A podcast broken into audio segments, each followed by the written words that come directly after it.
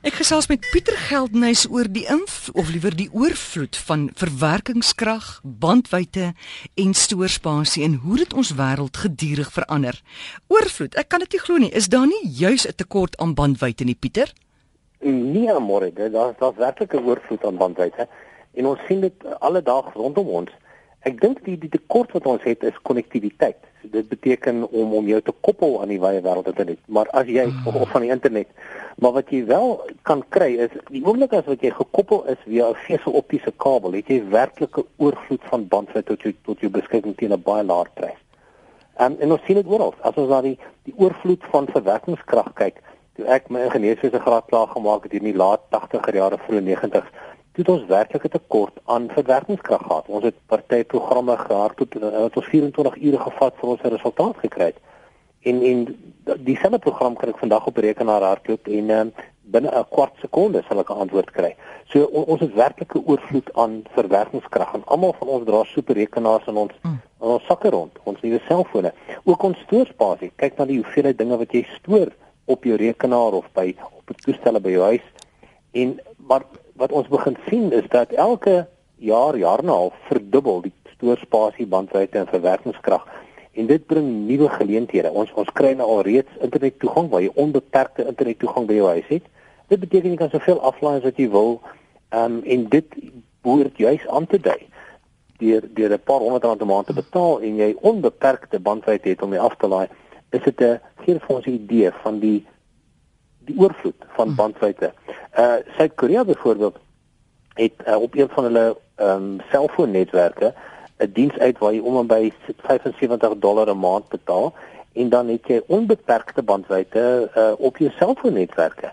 En ons sien alreeds die onbeperkte oproepe wat jy kan maak op ons huidige selfoonnetwerk. Jy betaal net so oorkant 1000 rand en dan kan jy soveel oproepe maak as wat jy wil op jou selfoon per maand. So ons begin alreeds in hierdie model inbeweeg waar jy nie meer betaal vir die gebruik van bandwydte nie, maar wel net vir die toegang daarvan en dan kan jy onbeperkte bandwydte gebruik vir dit wat jy betaal.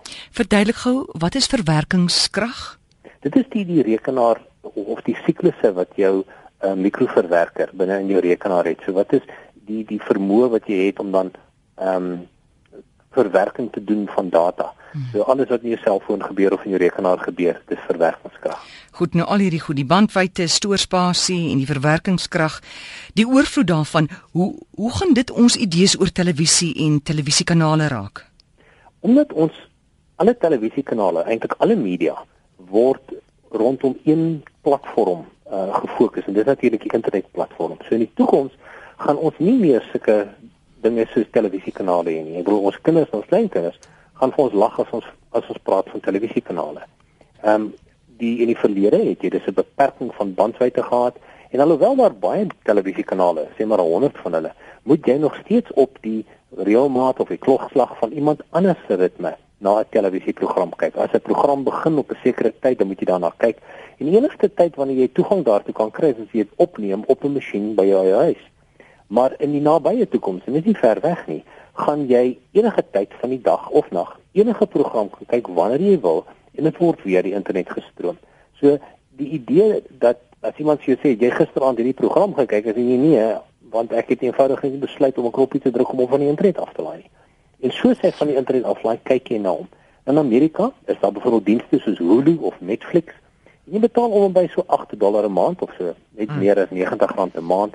Jy kan dan enige program aflaai wanneer jy daarna wil kyk. So jy sê, "O, ek wil graag na hierdie hierdie reeks kyk." Jy klik, jy vat jou afstandbeheer, jy druk 'n knoppie en jy begin onmiddellik die reeks kyk. En so as hy aflaai van die internet af kyk jy na hom. Hy jou jy stoor hom glad nie by jou nie.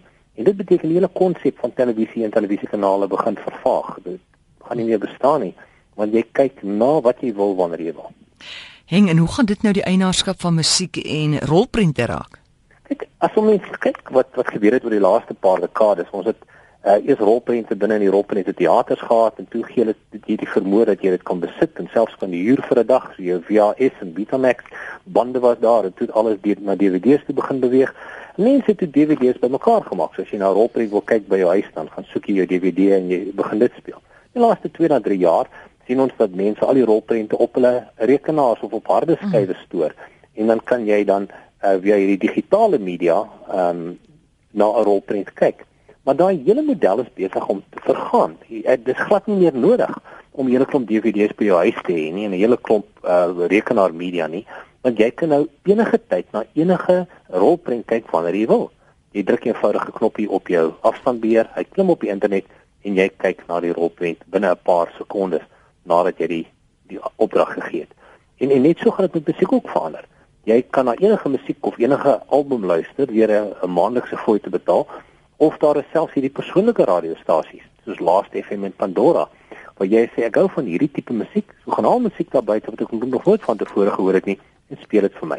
En jy betaal 'n uh, klein voetjie per maand en jy toegang tot hierdie musiek. En dis eintlik wat die die bandwydte, die oorvloed en bandwydte vir ons gee. Ehm um, ek hoef nou nie met, meer te bekommer oor die hoeveelheid data wat ek oor die internet stuur nie. Ek kan dit nou gebruik soos en wanneer ek wil. Kan hierdie idees uitkring na ander areas van ons lewe? Kyk, die die belangrike ding is is hoe ons as mense na die realiteit rondom ons kyk.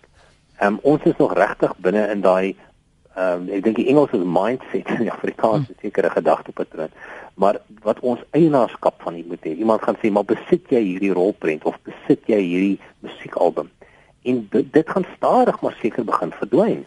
Ons gaan begin praat van het jy toegang tot goed eerder as eienaarskap. So ons sien reg regtig dat ons nou werklik in 'n era van toegang in beweeg in plaas van eienaarskap.